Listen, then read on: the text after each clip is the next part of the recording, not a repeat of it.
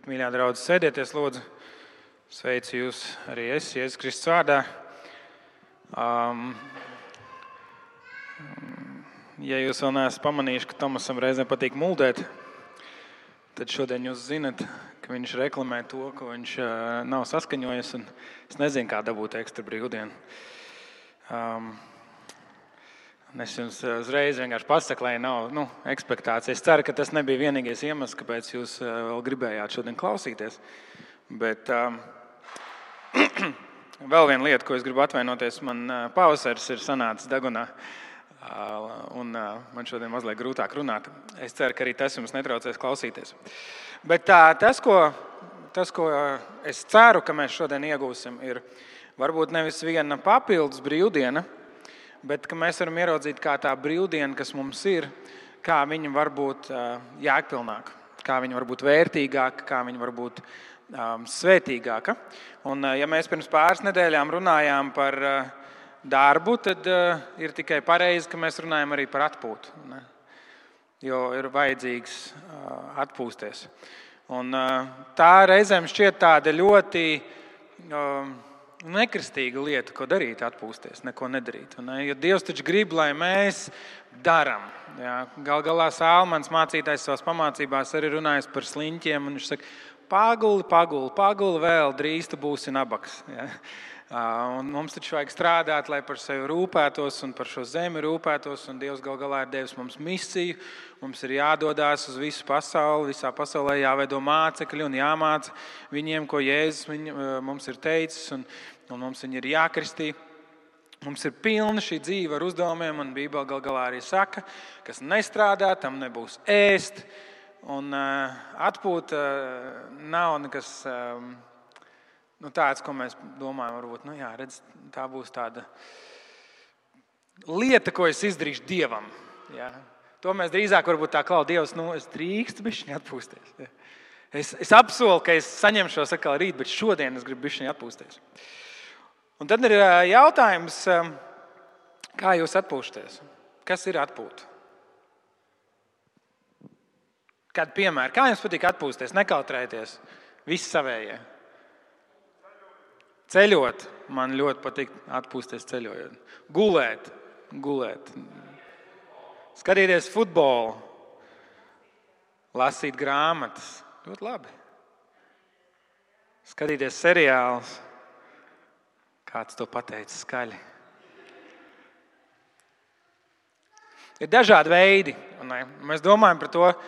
Un tas, ko es šodien, um, svētdienas beigās, es arī došu kādus praktiskus padomus.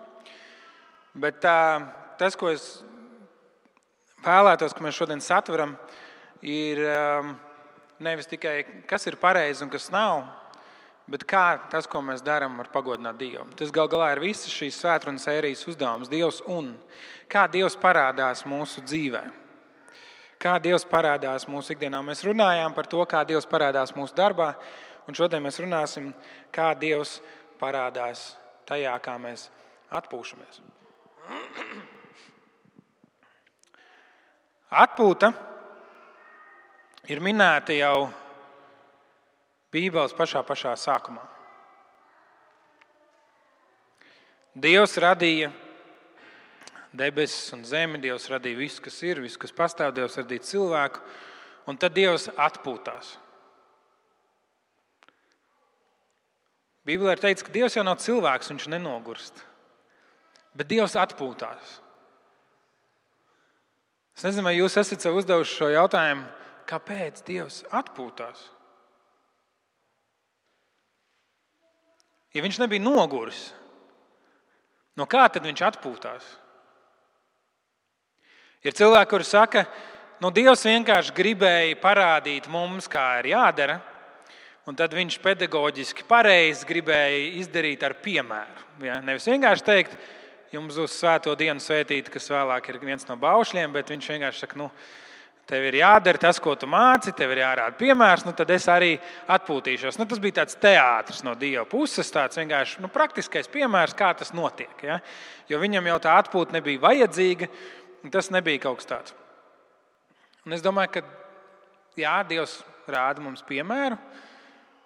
Bet tas nav tas, kāpēc viņš to dara. Tur ir kas vairāk. Un tas man liek uzdot jautājumu par to, kas tad ir atpūta. Vai atpūta tiešām ir tas, kā mēs domājam savā dzīvē, nu tad no pirmdienas līdz piekdienai mēs smagi strādājam. Un tad piekdienas vakarā mēs sakām, paldies Dievam, piekdiena ir klāta. Ja, un mēs sakām, yeah! Un tad mēs ar galvu pa kaklu metamies piedzīvojumus un iespējās mēģinām paspēt visu tajās divās dienās iespiest. Tāpēc, kad tas pirmdienas rīts jau kā tāds melns, negaiss mākonis jau ziniem, nāk un tuvojās. Un to mums viss jāpaspēj izdarīt. Un beig, beigās, svētdienas sakarā mums liekas, bērns, vajadzētu vēl vienu dienu, tāpēc, ka es piekus no tā, kā es atpūtos. Tā nogurt var tikai no svētkiem. Vai tas ir tas, ko Dievs domā ar atpūtu? Un Dievs atpūtās pēc tam, kad viņš visu bija radījis. Un mēs varētu domāt, nu, jā, viņš nu, nogura. Vai var, varbūt vienkārši viņam grib, vajadzēja paņemt pauzīt. Varbūt viņš nebija piekusis, viņš gribēja vienkārši pakāpt solīt atpakaļ. Bet jau pašā šajā radīšanas stāstā mēs redzam kādu interesantu faktu, kādu interesantu niansi. Kad sākas diena? Kad jums sākas diena? Kad pamostās līdz ar modinātāju zonu, vai, vai ar kādiem ar bērnu raudāšanu vai raustīšanu. Ja, vai... Bet jūs esat pamanījuši, ka tad, kad šīs dienas tiek uzskaitītas, ir teicis, bija vakars, bija rīts.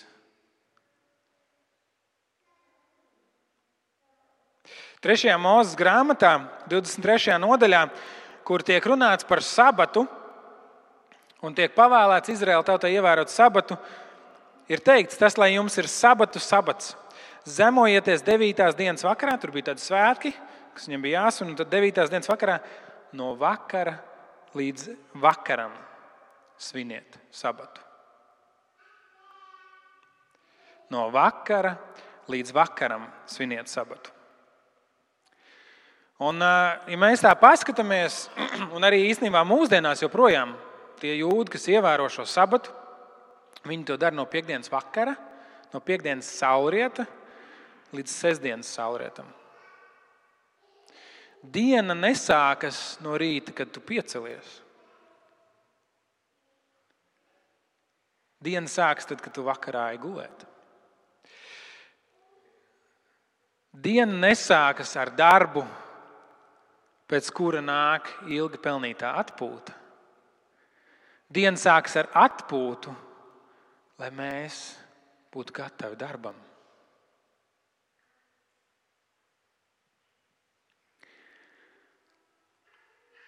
Tas, kā mēs redzam darbu, mēs par darbu runājām iepriekšējā reizē ne pagājušajā svētdienā, bet pirms tam. Un bieži vien mēs darbu redzam kā tādu smagu nastu. Ja, mē, ja mēs satveram to, ko Dievs mums ir ielicis un kā Dievs vēlas, lai mēs to skatāmies, tad darbs patiesībā ir iespēja. Tas nenozīmē, ka darbs nav grūts, tas nenozīmē, ka darbs vienmēr ir patīkams, bet darbs ir iespēja. Darbs ir kaut kas, ko mēs darām, lai pagotinātu Dievu, lai nestu pienesumu šai pasaulē. Mēs, mēs, mēs dzīvojam, mēs darām. Un tāpēc mēs nevis atpūšamies no tā smagā, riebīgā darba, kur mēs skatāmies uz laiku pulkstenī, kad viņš beidzot beigsies. Varbūt tā tavā dzīvē ir, un es negribu, lai jūties vēl sliktāk. Ja? Bet tas, ko Bībele mēģina pateikt, ir, ka mēs atpūšamies, mēs sagatavojamies un mēs dodamies uz darbu. Ka tā nav tāda, nu, tā kā, un tad mēs ceram tajās dažās brīvdienās, atjauno, bet mēs atjaunojamies un mēs dodamies uz priekšu, tur, kur Dievs mūs ir aicinājis. Ka patiesībā atpūta nāk pirms tam. Kaut kādā ziņā pat atpūta ir nevis tad, ja tev paliks pāri, nu, ja tu paspēsi, ja tev izdosies, bet tu sāc ar atpūtu. Tu ieguldi, tu investē.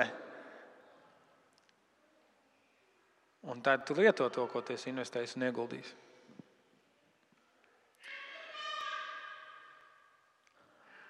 Cilvēks izvēlējās grēkot. Viņš bija kopā ar Dievu vietā, ēdienas dārzā. Mēs reizēm sakām, tā bija paradīze, kur šķiet bija nu, atpūta. Silts un pie dabiņas, un viss ir brīnišķīgi. Un tur Dievs ir līdz ar viņiem. Un, diev, un cilvēks izvēlas grēkot. Un kā daļa no um, lāsta, kā daļa no sekām šim cilvēkam izvēlēja nāk um, tas, ko Dievs pasaka um, Ādamam, viņš saka, tev būs vaigas viedros strādāt un apkopot zemi, un tas būs grūti. Bet arī pēc šīs grēkā krišanas ir apsolījums at par atpūtu.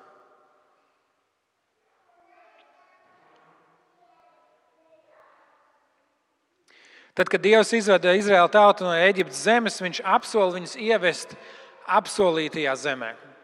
Zemē, kur teikts piens un medus tek. Un, uh, tas nav iespējams nekas kārdinošs, varbūt kādam ir, bet man piens un medus īpaši vienā teikumā liekas. Uh.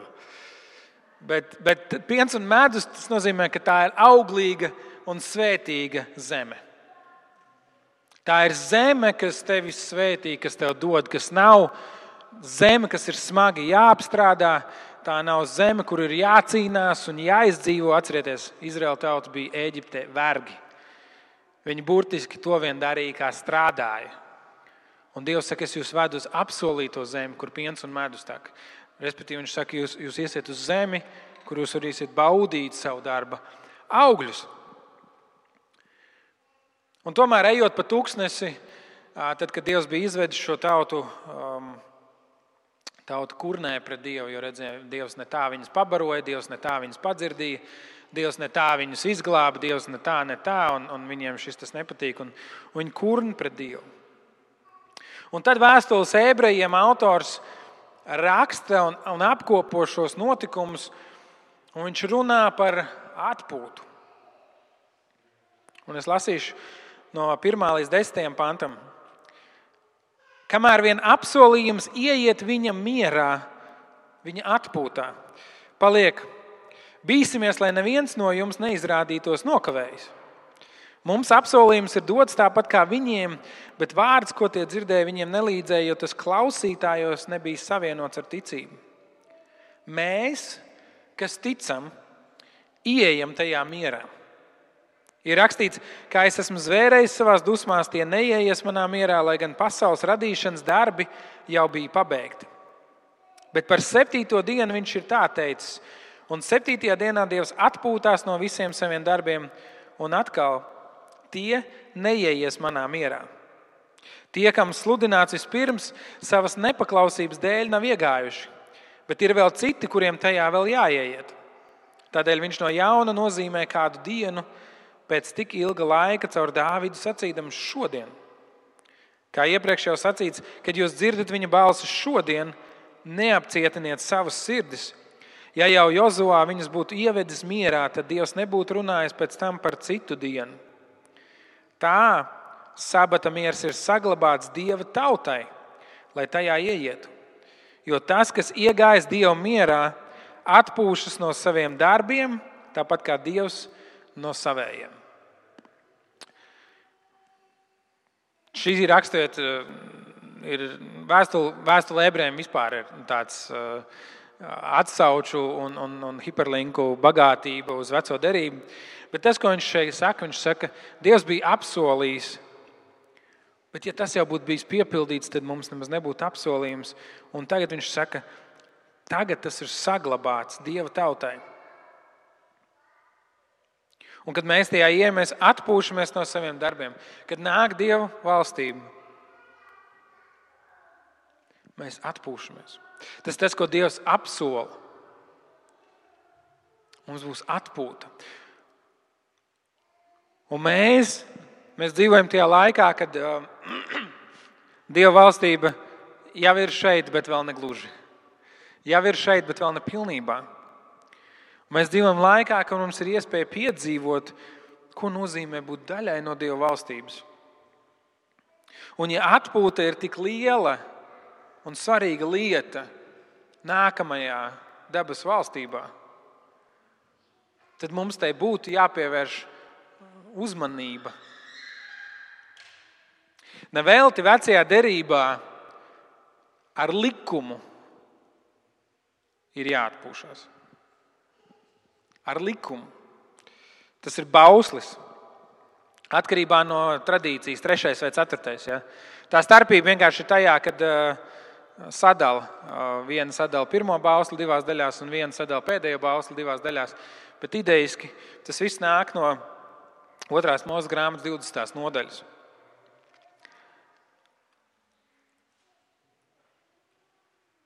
Pauslis. Atceries svētīt sabata dienu. Sešas dienas strādā un dara visus savus darbus, bet septītā diena ir sabats kungam, tavam dievam. Tad nedari nekādu darbu.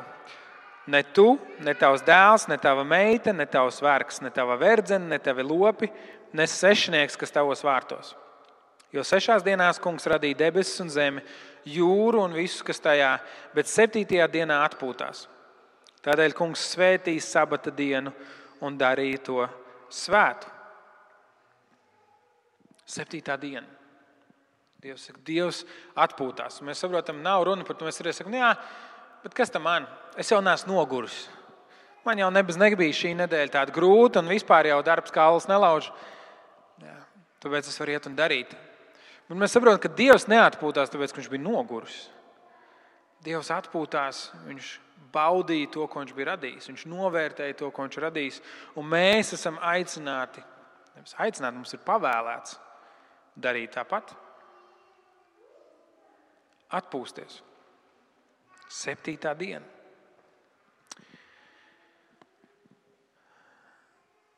It kā jau ar to vien nebūtu gana.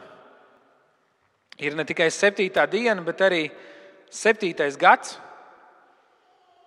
Otrā mūža grāmata, 23. nodaļa, no 10. līdz 11. pantam, kad bauslībā ir teikts, sešus gadus apsēja savu zemi un ievāc tās ražu, bet septītajā gadā atstāj to nelietotu un ļauj tai atpūsties.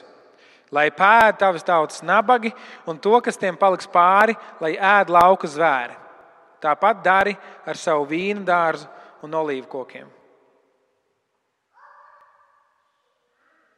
Septītais gads, vesels gads.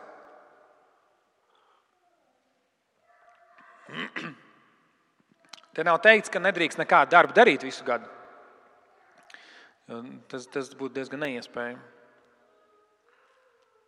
Bet tur ir teikts, lai ir vesels gads, kad tu nesēji, nepļauj, ka tu neievāc ražu, ka tu paļaujies uz to, ko Dievs tev dos. Un tas, kas tur izaug, lai tas ir par svētību apkārtējiem cilvēkiem. Tavos laukos Tavos īpašumos, tavos tīrumos var nākt nabagi, bāriņi, un atraitnes un svešinieki. Un ēst no tā, kas tur ir izaudzis. Un tu ēd no tā, ko tu iekrāji iepriekšējā gadā. Kad Izraēla tauta, kad Dievs viņus vadīja tuksnesī, tad katru dienu viņiem bija jāiet ārā, viņiem krita maize no debesīm, manne. Ja? Un katru dienu viņiem bija jāiet un jāsavāc tik, cik viņiem katru dienu vajadzēja. Un sestdien, sestajā dienā, viņi gāja un savāca divu tik, jo septītajā viņi negāja ārā. Un, ja kāds bija izgājis, tad neko neatrada. Savukārt, ja viņi darbdienā, nu, es runāju mūsdienu terminiem, kādā no tām sešām dienām savāca vairāk un gribēja atstāt kaut ko rītdienai, tad tas bija sabojājies. Mūsu Tēvs debesīs lūgšanā Jēzus māca mums lūgt un saka, mūsu dienascho maizi dod mums šodien. Mūsu cilvēciskais prāts domā, nu, Dievs, iedod man gadam. Nu, iedod man ar rezervīti. Lai man nav jāstraucās, jā, jāstraucās, lai man nav jāstreso, lai man ir miers. Lai es varu iekrāt. Bet Dievs lieto mūsu ikdienas vajadzības. Un Dievs lieto lietas, ar kurām mēs sastopamies ikdienā, lai atgādinātu mums par mūsu atkarību no Viņa, lai atgādinātu mums mūsu vajadzību pēc Viņa, lai atgādinātu mums, ka visas mūsu svētības nāk no Dieva.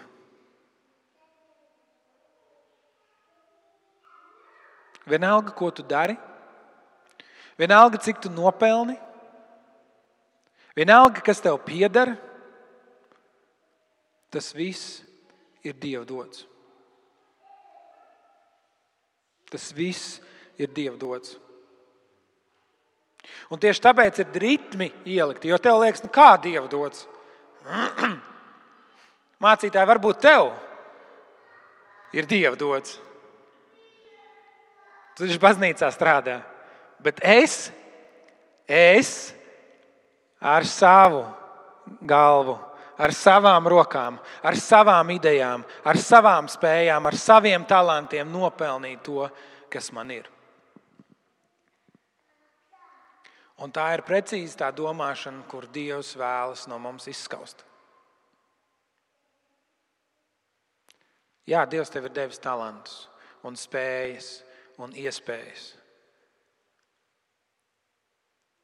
Bet katra laba un pilnīga dāvana nāk no debesu tēva.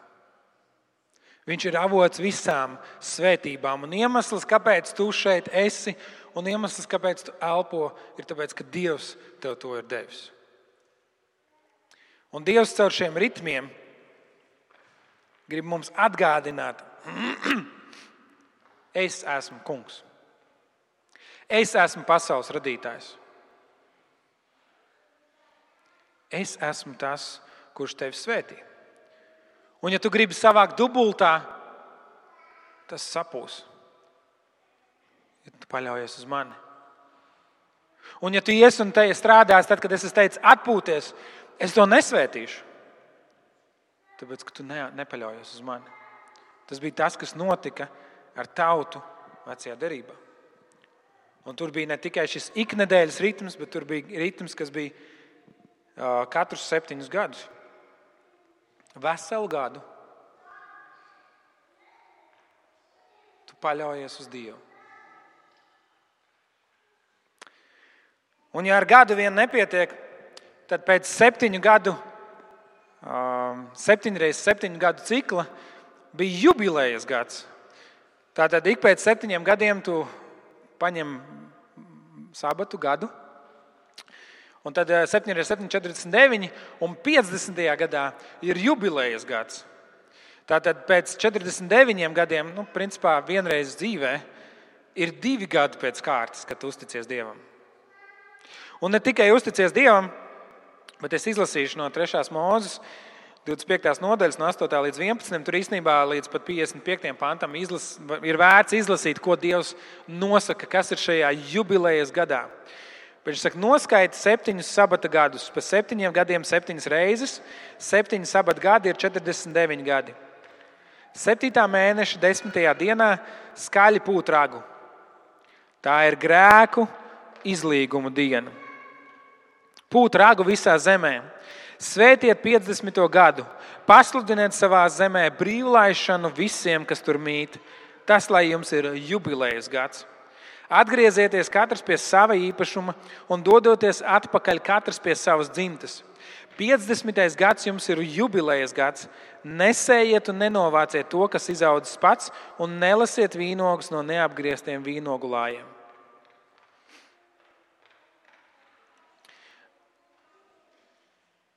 Divus gadus pēc kārtas Dievs par tevi rūpēsies. Un tas nav tikai par to, ko Dievs tev dos. Ja mēs ievērojam arī tajā septiņu gadu periodā, viņš saka, lai, lai tavā īpašumā nāktu cilvēki un ēd to, kas tev paliek pāri. Viņš saka, es tev došu ne tikai pietiekami, lai tev pietiktu, bet tu būsi svētība citiem.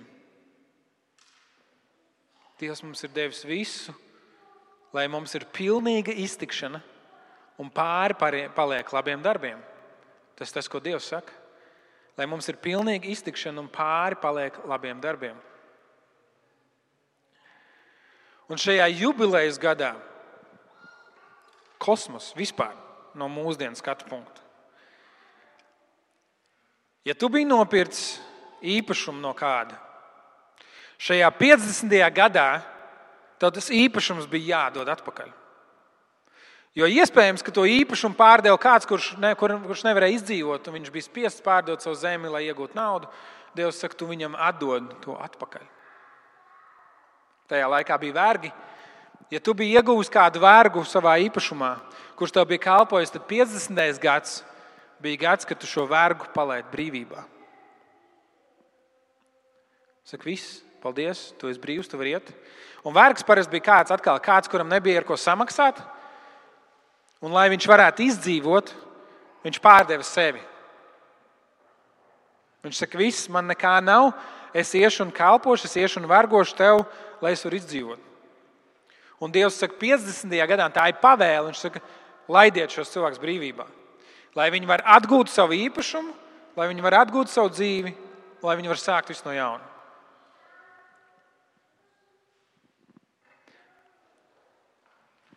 Ja kāds tev bija parādā naudu, 50. gadā tu saki, viss, paldies, tev tas nav jādod. Atpūta nav tikai vienkārši pacelt kājas augšā uz ķeblīša, iekārtot ērtāku spilvenu un teikt, man ir labi. Atpūta ir tāda, ka dieva brīvība ienāk visdažādākajos mūsu dzīves aspektos. Kur mēs esam brīvi no šīs idejas par to, ka mums ir jāstrādā un jāstrādā un jāstrādā, lai izdzīvotu. Kur mēs esam brīvi no dažādām citām balsīm, kas runā mūsu dzīvē un saka to, kādiem mums būtu jābūt, cik daudz mums būtu jāpelnā un kāds ir dzīves standarts. Kur mēs esam brīvi neturēt otru cilvēku kaut kādos grožos, un kur mēs paļaujamies uz Dievu, un kur mēs piedodam. Jubilejas gads ir par piedošanu.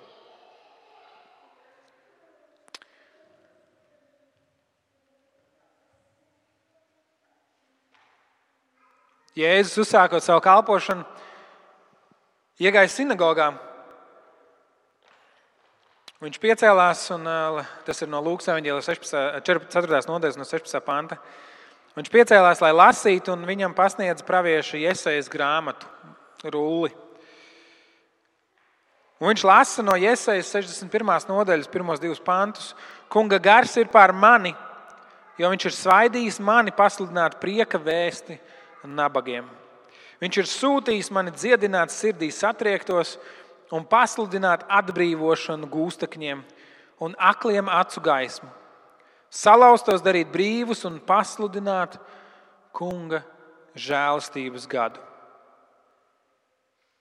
Rūlis Atīns viņš to atdeva kalpotājiem un apsēdās, un visu acis sinagogā pievērsās viņam. Viņš sāka uz tiem runāt. Šodien ir piepildījies šis raksts, ko jūs dzirdējāt. Šodien ir piepildījies šis raksts, ko jūs zināt. Tad, kad Jēzus nāk, viņš saka, es iemiesoju šo jubilejas gadu. Manī jūs atrodat atpūtu. Mateja Evanģēlī 11. nodaļā, no 28. līdz 30. pantam, Jēzus saka, nāciet pie manis visi, kas esat nopūlējušies un zem smagas nastas, un es jūs atvieglināšu. Uzņemieties manu jūgu un mācieties no manis, jo es esmu lēnprātīgs un sirdī pazemīgs tad jūs atradīsiet atvieglojumu savām dvēselēm, jo mans jūgs ir tīkams un mana nasta viegla. Tad, kad Jēzus uzsāk savu kalpošanu, viņš saka, es esmu jums nācis nest atpūtu.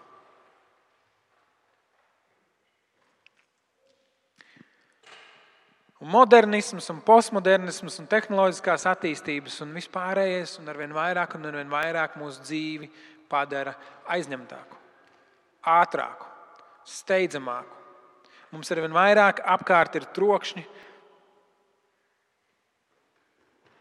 un ar vien svarīgāk mums ir sadzirdēt, ko Dievs mums saka.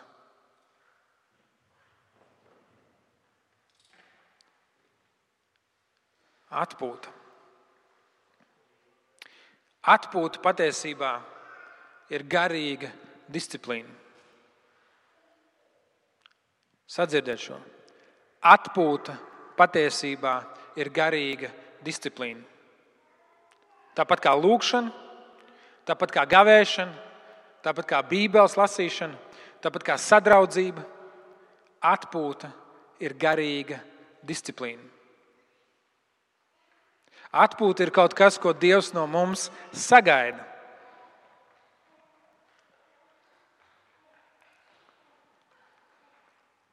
Mēs varam domāt, nu, ja atpūta ir tik svarīga un sabats ir tik svarīgs, tad kāpēc Jēzus to pārkāpa un attaisnoja tos, kas to darīja?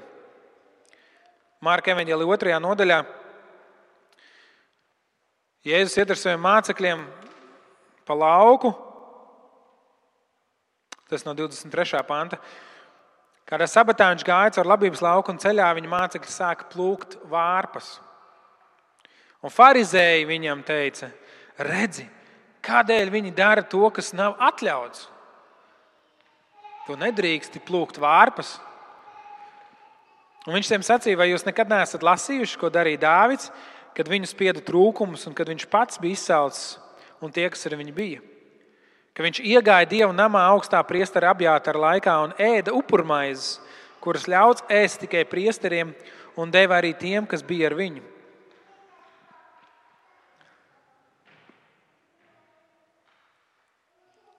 Pharizēji pārmet Jēzum, ka viņa mācekļi neievēro garīgās disciplīnas, ka viņa mācekļi neievēro likumu, bauslību. Un Jēzus, būdams Jēzus, viņam izstāsta piemēru, kas iespējams Pharizējs nokaitināja vēl vairāk. Viņš saka, vai jūs nezināt, ka ķēniņš Dāvids arī pārkāpa bauslību? Un viņš iegāja templī un ēda maizes, kuras bija paredzētas tikai priesteriem. Un Jēzus saka, jums jāsaprot, kāpēc ir sabats. Līdzīgi kā mums ir jāsaprot, kāpēc mēs lasām Bībeli. Tāpēc, ka vajag, ja es gribu būt labs kristietis, man vajag, man ir jālasa. Nē. Tāpēc, ka tas ir noderīgi. Tāpēc, ka Dievs tajā sevi atklāja. Tāpēc, ka tā ir vienīgā paliekošā nemainīgā autoritāte, kas mums ir. Bet tev tas nav jādara tavai glābšanai. Arī lūkšanām,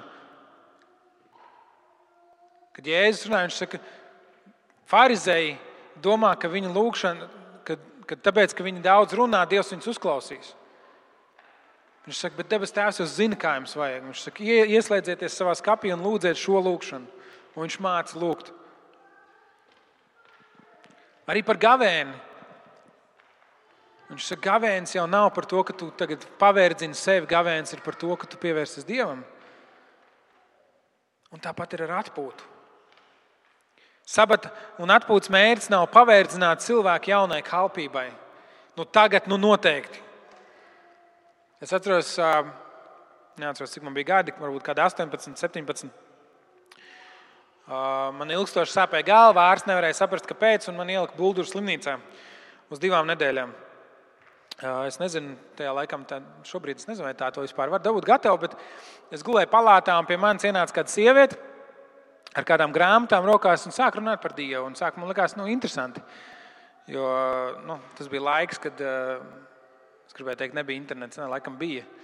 Varēja kaut kāds vanLV pie, nu, tā ieiet kaut kā tur kaut ko bišķi pastīties. Un inbox.lv, man liekas, bija. Bet nu, nebija tā, ka varēja tur YouTube ar telefonu pastīties. Un ienāk kāds cilvēks un grib ar mani parunāt par Dievu. Un es esmu kristietis, un es esmu jauniešu vadītājs, man liekas, tik interesanti. Un, un, un viņi runā un saka, jā, es esmu kristietis, ir baznīcā. Kurā dienā tu ej? Tu zini, ka sestdienā ir sabats. Un uh, saruna, kuras cerēju, būs jauka un patīkama, pārvērtās ārkārtīgi agresīvā un ļoti nepatīkamā. Tāpēc, ka cilvēka galvenais uzdevums bija pārliecināt mani, ka sestdiena ir īstā diena, kur ievērot sabatu.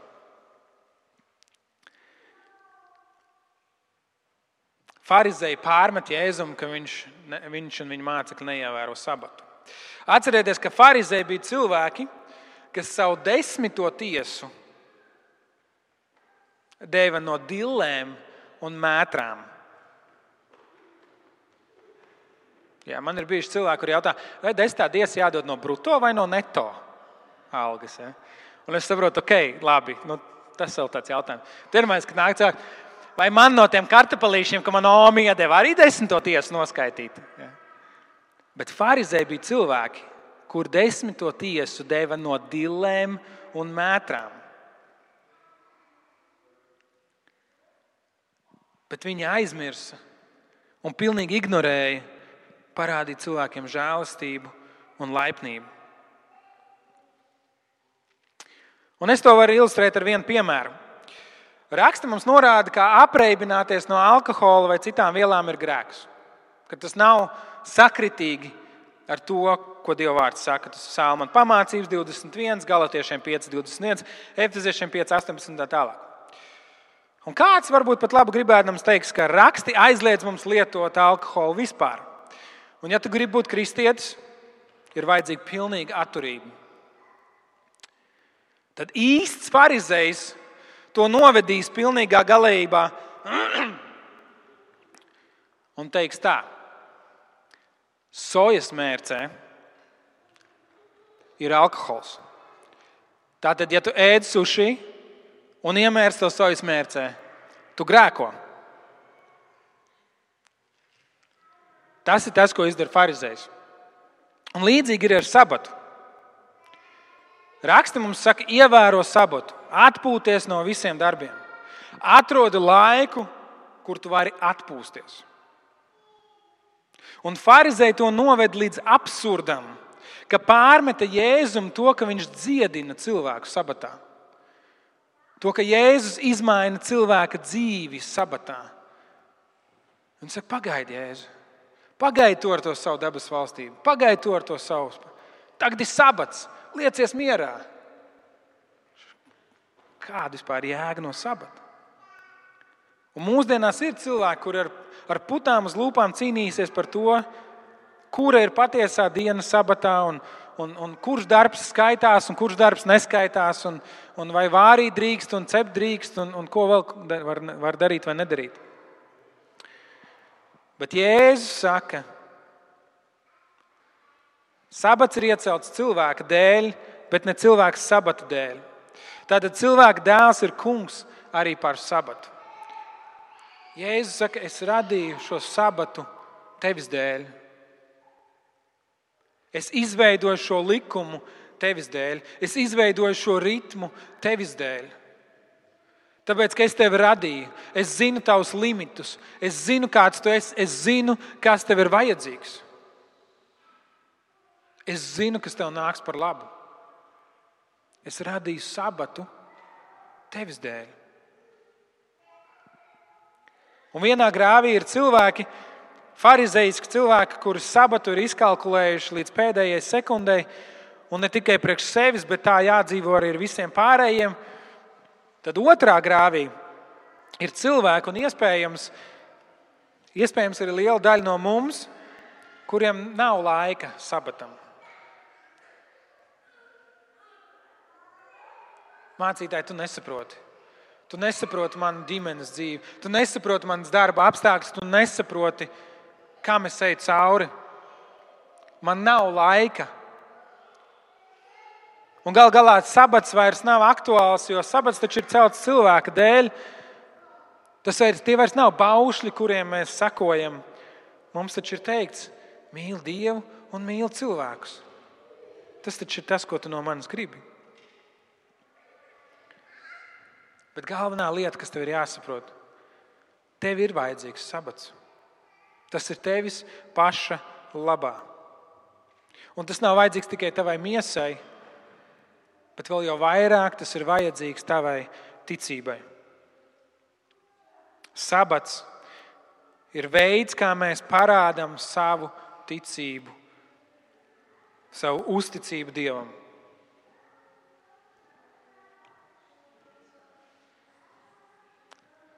Otrā mūzes grāmata, 31. nodaļā, no 12. panta, un kungs sacīja Mozam, saka Izraēla dēliem, tiešām ievērojiet manu sabatu jo tā ir zīme starp mani un jums uz paudzēm. Lai jūs zinātu, ka es esmu kungs, kas jūs svētī. Kāpēc ir jāievēro sabats? Lai jūs zinātu, ka es esmu kungs, kurš jūs svētī. es par jums rūpējos. Svētības nāk no manis. Un mūsdienās mums tas ir izaicinājums. Bet, Dievs, bet, bet ja es nepavadīšu tās ekstra stundas tajā brīvdienā un neizdarīšu to, tad, tad priekšnieks man atlaidīs un kolēģi man ienīdīs. Sabats ir paļaušanās uz Dievu. Bet Dievs, ja es neielikšu tur papildus laiku un nenopelnīšu to papildus naudu, tad man pietrūks. Lai jūs zinātu, ka es esmu kungs, kas jūs svētī. Vāģelē 16. nodaļā, 24. pantā Jēzus teica saviem mācekļiem, ja kāds grib man sekot, tas lai aizliedz sevi ņem savu krustu un seko man.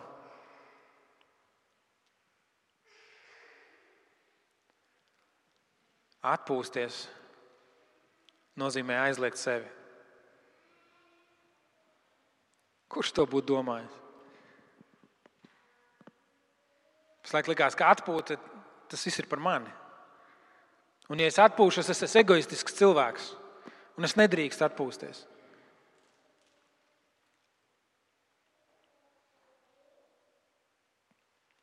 Mēs pārstājam darīt savus darbus, lai darītu to, ko Dievs no mums vēlas.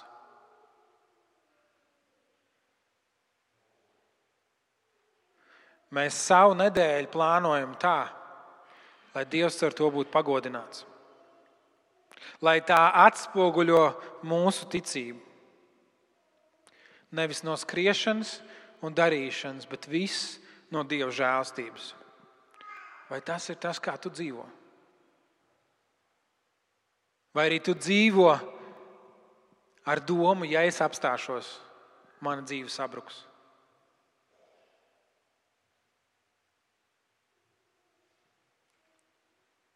Tas ir tas jautājums. Atbildi sev. Vai tu paļaujies, ka nevis no skriešanas un darīšanas, bet viss no Dieva žēlstības Vai arī tu dzīvo domā, ja es apstāšos, ja es kaut uz mirkli apstāšos, man dzīve sabruks. Es kaut ko zaudēšu, es kaut ko nokavēšu, kāds cits aizsteigsies man priekšā. Ja tā ir, tu neusticies Dievam.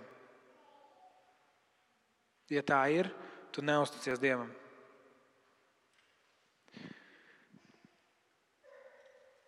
Un lai tas nebūtu tikai tā, ka es uh, paņemu Bībeli un sadodu jums pa galvu un saku, nu tad uzticieties Dievam. Es gribu piecas lietas jums iedot līdzi. Atcerieties, tā nav pavēle, tā nav bauslība. Piecas lietas, kā sabats izskatās mūsdienās. Piecas lietas, kā tu vari ieplānot atpūsties Dievu priekšā. Un nekas ārkārtīgi skandalos. Pirmā lieta - izgulies. Izgulies. Certajā psalmā, certais psalms noslēdzās ar vārdiem: Mierā es gulšos un mierā iemikšu, jo vienīgi tu, kungs, drošībā ļauj man mājot. Izgulies. Tas nenozīmē guli bezjēgā. Tas nenozīmē, ka oh, man mācītājs teica, izgulies, es uzzvanīju darbā, pateicu, nedēļa nebūšu. Ja? Bet izgulies. Izveido ritmu savā dzīvē, kur tu dabūji pietiekami daudz miega. Un es zinu, es zinu, ka tas ir izaicinājums. Īpaši ģimenēm, kurām ir mazi bērni, īpaši cilvēkiem, kuriem ir uzsākuši kaut ko jaunu un kaut ko dara. Tas nav tik vienkārši. Arī man nav tā, ka es katru dienu guļu 8 stundas. Nu, nav. Bieži vien es to varētu darīt, bet es to nedaru. Tāpēc, ka arī es jomās neusticos Dievam. Reizēm man liekas, ka man vajag vēl kaut ko vakarā, nu man vajag vēl kaut kādu piepildījumu, vēl kaut kādu prieciņu, kur es meklēju savu piepildījumu kaut kur citur nekā Dievā. Un es gribu nostīties to vienu filmu, vai varbūt pusotru, vai varbūt pat divas. Nu, nekas, ka rīt agrāk jāceļās. Bet kopumā ņemot, Un tā ir viena no lietām, ko mēs ar Uti mācījāmies arī šajā sabatā. Viena no lietām, kas bija mums kā uzdevums, arī lasot šo grāmatu, ir izveidot veselīgu gulēšanas ritmu. Ir dienas, kad tu guli mazāk, bet lai tas ir izņēmums, nevis norma. Jo tad, kad tu neesi izgulējies, tu zaudē savu produktivitāti, tu zaudē prieku par dzīvi. Un, uh, tas ir tas brīdis, kad kārdinājums tev visvieglāk var pārņemt. Kad tu esi noguris, kad tavs prāts nav as, kad tu neesi gatavs, tas ir tas brīdis, kur ienaidnieks visvairāk tevi, kur tu esi visneaizsargātais pret ienaidnieku meliem tavā dzīvē. izgulies. Mēs visi mākam gulēt, ne? Kādiem no mums tikai jāpiestrādā pie tā, cik ilgi un cik kvalitatīvi. Un eh, tas iespējams prasa plānošanu, tas iespējams prasa ģimenē vienoties un teikt, es izguļos pirmdienās, tu izgulies otrdienās, ja? vai kaut kā citādāk. Iespējams, tas prasa mainīt kaut kādus paradumus. Es nesaku, ka tas ir tik vienkārši, bet, bet principā tas nav nekas sarežģīts. Tā nav. Kā Tomas saka, ne, nav nepieciešama augstāka izglītība, ja? lai izgulētos. Otrā lieta Atslēdzies. Atrod laiku, kad tu vari atslēgt savu smadzenes no sociālajiem tīkliem, no ziņām, no pīkstieniem, no zvaniem, no ēpastiem un no ekrāniem kopumā. Atslēdzies. Ja tu esi līdzīgs kā es, un man ir labāk, es esmu kā, Uh, angliski on, on the recovery. Es nezinu, kā Latvijas pateikt, es atkopjos no šīs problēmas. Bet, ja tev ir tā kā es, kad ir kāds brīdis, kad tu nezini, ko darīt, pirmā lieta ir, kas jauns sociālos tīklos, kas jauns ziņās, izvilkt telefonu, tad tev ir problēma. Ja pirmā lieta, ko tu dari, ka tu, ne, piemēram, nezini, tu esi kaut kādā vai nu pasākumā vai vietā, un, un saruna pēkšņi pārtrūc vai kā, un, un tu nevari vienkārši pastāvēt, pastāvēt, tev pirmais, kas jārauj ārā, ir telefons. Tev ir problēma. Un es atzīstu, man ir problēma. Un es cenšos ar to cīnīties. Atslēdzies. Atrod veidu, vietu un laiku, kur tu vari nolikt malā visu, kas tev rada troksni. Mūsdienās mēs savām smadzenēm vispār neļaujam atpūsties. Mēs visu laiku viņus pārlādējam ar informāciju. Mēs runājamies, tā ir informācija, mēs kaut ko darām, mēs domājam, mēs strādājam, tā ir informācija. Un tajos pauzes brīžos mēs ņemam telefonu un lasām, un tā ir informācija. Vai tas ir par karu, vai tas ir kāds sociālais tīkls, vai kas mūsu smadzenes vienkārši visu laiku vārās. Un, ja tu gribi ievērot sabatu, tā var būt stunda dienā. Tā var būt pusdiena, tā var būt vesela diena. Varbūt ir kaut kādi konkrēti sociāli tīkli vai kaut kas, kas tev ir jānoignorē. Varbūt ir kaut kāds ritms, kas tev ir jāievēro. E-pasts lasīšu tikai no rīta un vakarā. Kā, nu, ja cilvēkam kaut kas tiešām ļoti svarīgs, viņš to piezvanīs. Ja cilvēks man raksta ziņu vai e-pastu un cer, ka es tūlīt atbildēšu, tas nav pareizais kanāls. Varbūt tas ir kaut kāds laiks, kur saka, es no tikiem līdz tikiem. Mans telefons ir iesaistīts automātiski, es neatceros no cikiem vakarā līdz 7.30 eh, rītā. Klusuma režīms. Izņemot dažas naktis, kad man ir uzlikts, jo es dežūrēju, kā šeit mums ir ugunsdzēsības trauksmes dežūrs. Bet nevar mainīt. Man telefons automātiski iesaistīts, viņš atslēdzās noteiktā laikā, klusums. Ja jūs zvanat pēc noteikta laika, es to nedzirdēšu. Piedodiet. Atrod veidu, kā to var atslēgt savu smadzeņu. Nākamā lieta - pavadīt laiku ar Dievu. Un tad beidzot. Jā, jo tā doma atpūsties, kā jau iepriekš minēju, mēs nesaistām to ar neko tādu garīgu. Mums liekas, nu, atpūta tā ir tāda nu, izteikti miesas uh, izpatikšana miesai. Ir pat veselas konfesijas, un ir daudz cilvēku, kuriem saka, nē, es uzaugu tādā draudzē, kā pusaudzis, kur, kur standarts, vai pat ne standarts, bet, bet tas, pēc kā tiekties, bija 5 stundas miega, varbūt sešas, ja tu esi slings, un tad stundu no rīta lūgt, vakarā stundu lūgt. Ja tu, esi, tu cīnies ar savu miesu, tu, tu neļauj miesai sevi kalpināt. Un, un atpūta bija drīzāk kā tāds, nu, kaut kas tāds miesīgs ļoti. Ja, nu, tu gribi atpūsties. Nu, tas, Bet patiesībā atpūta ir, ko Dievs mums ir pavēlējis. Es ceru, ka tagad jūs man to man piekrīt, jūs redzat, ka tas ir rakstos. Un atpūta ir tas, kur mēs nevis vienkārši neko nedaram, un nevis vienkārši entās stundas nosēžam Netflixā, bet, bet atpūtas sabata ideja ir, ir, ir kvalitatīvas atpūtas. Es negribu teikt, ka skatīties Netflix ir slikti vai vēl kaut ko. Arī tāds laiks ir vajadzīgs. Saprotiet, man pareizi nesaka, ka visai atpūtai tagad ir jābūt tādai. Ja tu gribi atpūsties, tad obligāti bez telefona un tā tālāk. Nē, nē. Tās ir lietas, dažādas lietas, ko jūs varat darīt. Bet vienai no šīm lietām, iespējams, centrālai no šīm lietām, vajadzētu būt tāda, kur tu pavadi laiku ar Dievu.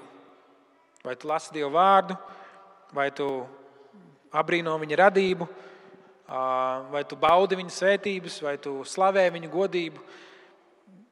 Laiks ar Dievu, kurš saka, man būs laiks, kurus pavadu ar Dievu. Nākamā lieta, ko es varu ieteikt, ir pamaini vidi. Ja, ir iespējams doties pie dabas. Jo savā mājās mēs esam pie visa pieraduši. Savā mājās mēs sēžam un mēs redzam, ka tur ir nenomazgāti trauki, mēs redzam, ka tur ir netīras grīdas, mēs redzam to, kas mums rīt būs jādara. Un tas visu laiku sēž mūsu prātos. Un pamainīt vidi ir, mēs ieraudzām kaut ko jaunu. Mēs esam um, ārpus tāda ierastā, un mēs varam skatīties kaut ko citu. Un īpaši, ja tā ir daba, kur nevis mēs pārdomājam kaut kādu darāmo darbu sārakstu, bet mēs varam baudīt Dieva skaistumu, tas noteikti nāks mums par labu. Un pēdējā lieta - dari kaut ko patīkamu. Tā arī ir atpūta. Dari kaut ko patīkamu. Ja, un, un, un pagājušajā reizē mēs runājām par darbu, par to, ka pirms grēkā krišanas bija darbs, un ļoti iespējams arī debesu valstībā pēc Jēzus otrās atnākšanas būs darbs. Bet darbs nevis, kas mūs nogurdina un paverdzina, un kur mēs kruķījam savas ģēles, bet darbs, kas dod mums gandarījumu. Darbs, kur mēs baudām, darbs, kas mums ļauj atpūsties, un darbs, caur ko mēs pagodinām Dievu. Man bija kāda saruna, un es nesaku, ka es esmu simtprocentīgi, man ir simtprocentīgi taisnība. Bet es esmu mācītājs. Mans darbs iekļauj sarunas ar cilvēkiem, ļoti daudz laika pie datora, sapulces, organizēšanu, domāšanu, vēl kādas lietas. Un es kādreiz runāju, kad mācītājs saka, zini, tas labs sabats ir pie man, priekš manis ir aizbraukt uz Jālgavu, kur Rūtas vecāki dzīvo un pļaut zāli. Viņš pastāsta man tā, it kā es būtu no citas planētas. Viņš saka, nu nē, sabatā nedrīkst strādāt. Un es viņam saku, es tevi saprotu. Bet es aizbraucu. Pirmkārt, man patīk, kā smaržo tikko nopļautu zāli. Debesis varētu smaržot pēc jūras un pēc tikko nopļautas zāles. Man patīk, kā smaržo nopļaut zāli. Otrs, man ļoti patīk, kā tu redzi progresu kur tu nopļauj un tu redzi, kā tas attīstās un veidojās. Tas man dod gandarījumu, tas man piepilda.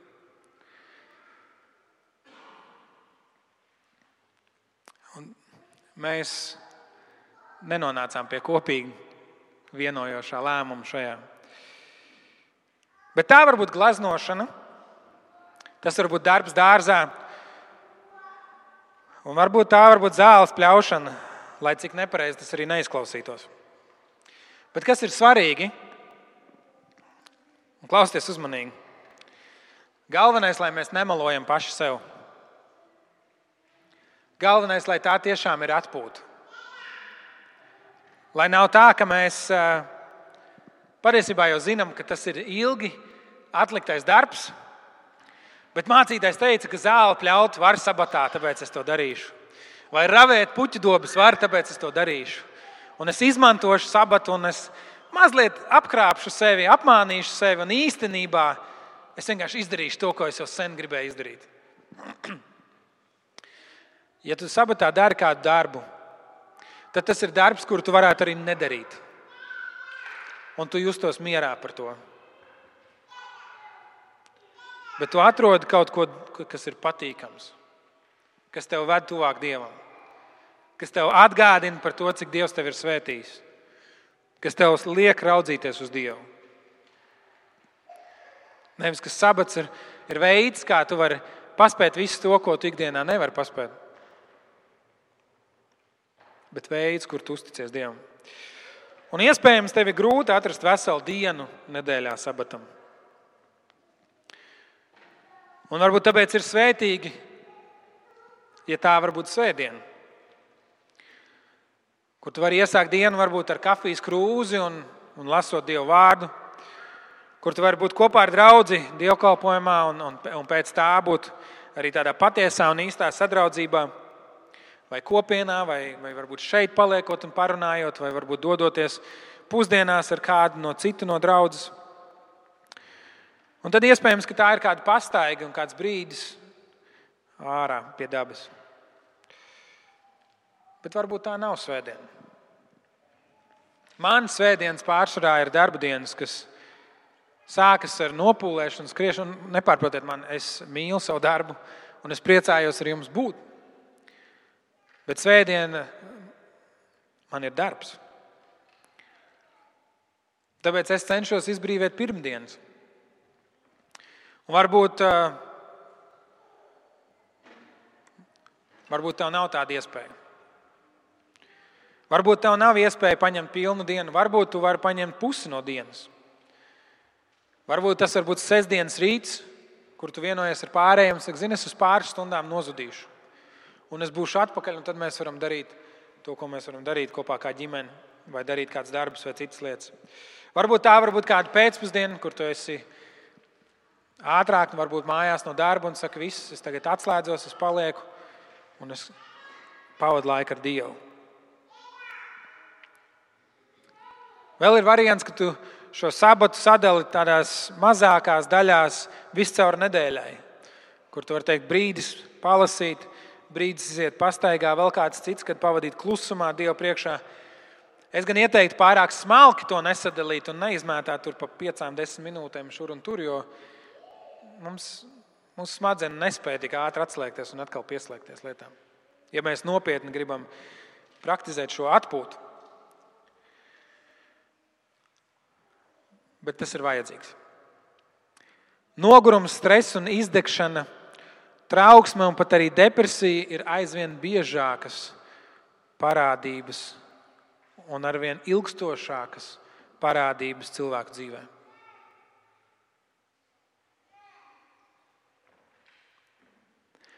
Noklausījos interviju ar uh, pusauģu uh, terapeitu Nilu Konstantīnu.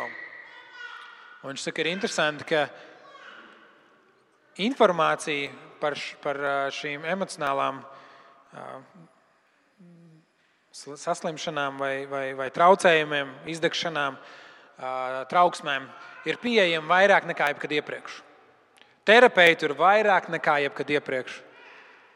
Un tomēr šo gadījumu skaits, kad ir vajadzīga šī palīdzība, ir vairāk nekā jebkad iepriekš. Pasaules veselības organizācijas pētījums vairāk nekā 90 valstīs pasaulē pierāda, ka kopš pandēmijas sākuma trauksmes un depresijas gadījumu skaits pieaudzis par 25%. Un sabats un atpūta tās nav brīnumzāles nopietnām un ielgušām problēmām. Tomēr tā ir Dieva dāvana Viņa preventīvā atbild uz dzīves steigu un apkārtējiem trokšņiem. Tas ir tas, ko Dievs ir ielicis mūsu dzīvē kā ritmu, jo Viņš zina, ka mums tas ir vajadzīgs. Sabats nav likums, ar kuru Dievs vēlas mūs ierobežot. Tā ir mūsu mīļā debes tēva dāvana. Tā ir viņa svētība un viņa mīlestības izpausme pret saviem bērniem. Un mēs varam to pieņemt un teikt, paldies, tēti. Paldies, ka tu savā gudrībā zini, kas man ir vajadzīgs. Un dod man savu svētā gara vadību, lai es to tā arī varu savā dzīvē izdzīvot. Vai arī mēs varam teikt, Dievs, tu jau nesaproti, kā 21. gadsimtā lietas notiek. Ja es apstāšos, man dzīve izbeigsies. paļauties uz Dievu vai nest savus dzīves nastu pašam. Tā ir tā izvēle, kas mums katram ir jāizdara. Es aicinu, ka mēs varam kopīgi arī lūgt. Un, ja Dievs uz tevi ir runājis, pieraksti. Varbūt šajā brīdī tu jau zini, kas tev ir jādara. Izvelc savu kalendāru un ieplāno. Ieraksti. Līdzīgi kā tu ieraksti kādu svarīgu tikšanos ar cilvēku, vai kādu darba interviju, vai vēl kaut ko, ieraksti, kad atpūtīsies. Varbūt tas tev prasa vairāk laika, saplānot un saprast, kā tu to vari izdarīt, bet Dievs tev sirdi pārliecina šobrīd. Tad ieraksti šodien, kurā brīdī tu to izplānosi. Ieplāno. Jo varbūt šobrīd man ir izdevies tevi pārliecināt, un svētiem garam ir izdevies tevi pārliecināt. Bet jo ilgāks laiks paiet līdz brīdim, kad tu tiešām to ieplāno, jo lielāka iespējamība, ka apkārtējais spiediens tev liks teikt, nu, labi, jā, bet nākamnedēļ. Šonadēļ čista nevar. Nu, šonadēļ nesanāks. Nākamnedēļ. Un nākamā nedēļa pienāks, teikt, būtu zinājis, kāda būs šī nedēļa, būtu pagājušā nedēļa izdarījis. Ja. Laika vairāk nepaliks. Laiks mums ir tik, cik viņš ir. Un tas mūsu uzdevums ir pārvaldīt to, ko Dievs mums ir devis. Līdzīgi kā ar naudu, budžetēt to, ko Dievs mums ir devis. Un, ja ar naudu tas, kā mēs pagodinām Dievu, ir mēs dodam savu desmito tiesu, mēs ziedojam Dieva valstībā, tad ar laiku, kā mēs pagodinām Dievu, mēs ievērojam sabatu. Tas ir viens un tas pats princips. Un naudu varbūt vieglāk mums ir kaut kādā ziņā pat atdot. Jo nauda var būt vairāk, var būt mazāk, bet laiks vienmēr ir tik, cik viņš ir. Un tāpēc es ticu arī, ka Dievs to daudz vairāk arī novērtē.